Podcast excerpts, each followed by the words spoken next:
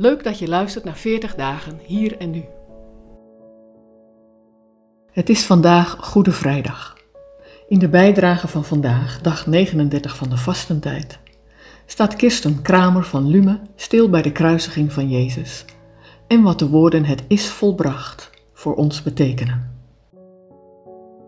We kennen het verhaal.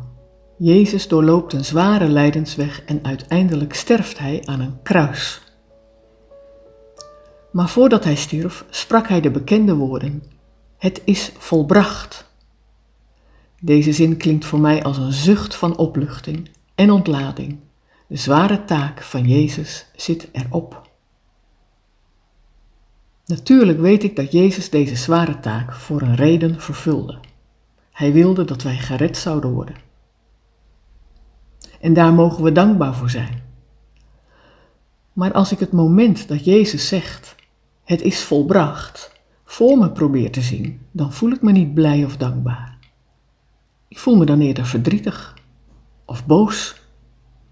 Het voelt onrechtvaardig dat Jezus moest sterven. Het is niet verkeerd om stil te staan bij hoe heftig Jezus offer was. Maar ik denk niet dat het Gods bedoeling is dat we hier boos over blijven. God stuurde zijn zoon juist zodat wij verlossing mogen vinden. In Lucas 19, vers 10 staat: De mensenzoon is gekomen om te zoeken en te redden wat verloren was.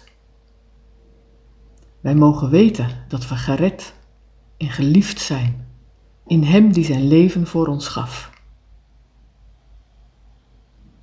Laten we ook vanuit dat perspectief kijken naar Jezus' uitspraak. Het is volbracht. God maakt Jezus offer aan ons kenbaar, zodat we gerustgesteld mogen zijn. Zoals Jezus opgelucht was dat zijn taak was volbracht, zo mogen ook wij opgelucht zijn. Jezus betaalde de prijs, zodat wij in genade mogen leven. We mogen nu rusten in de wetenschap dat Jezus het licht van de wereld, de duisternis, versloeg. En vanuit die wetenschap mogen wij nu leven. Sterker nog, we mogen zelf ook licht zijn, omdat de bron van licht in ons schijnt.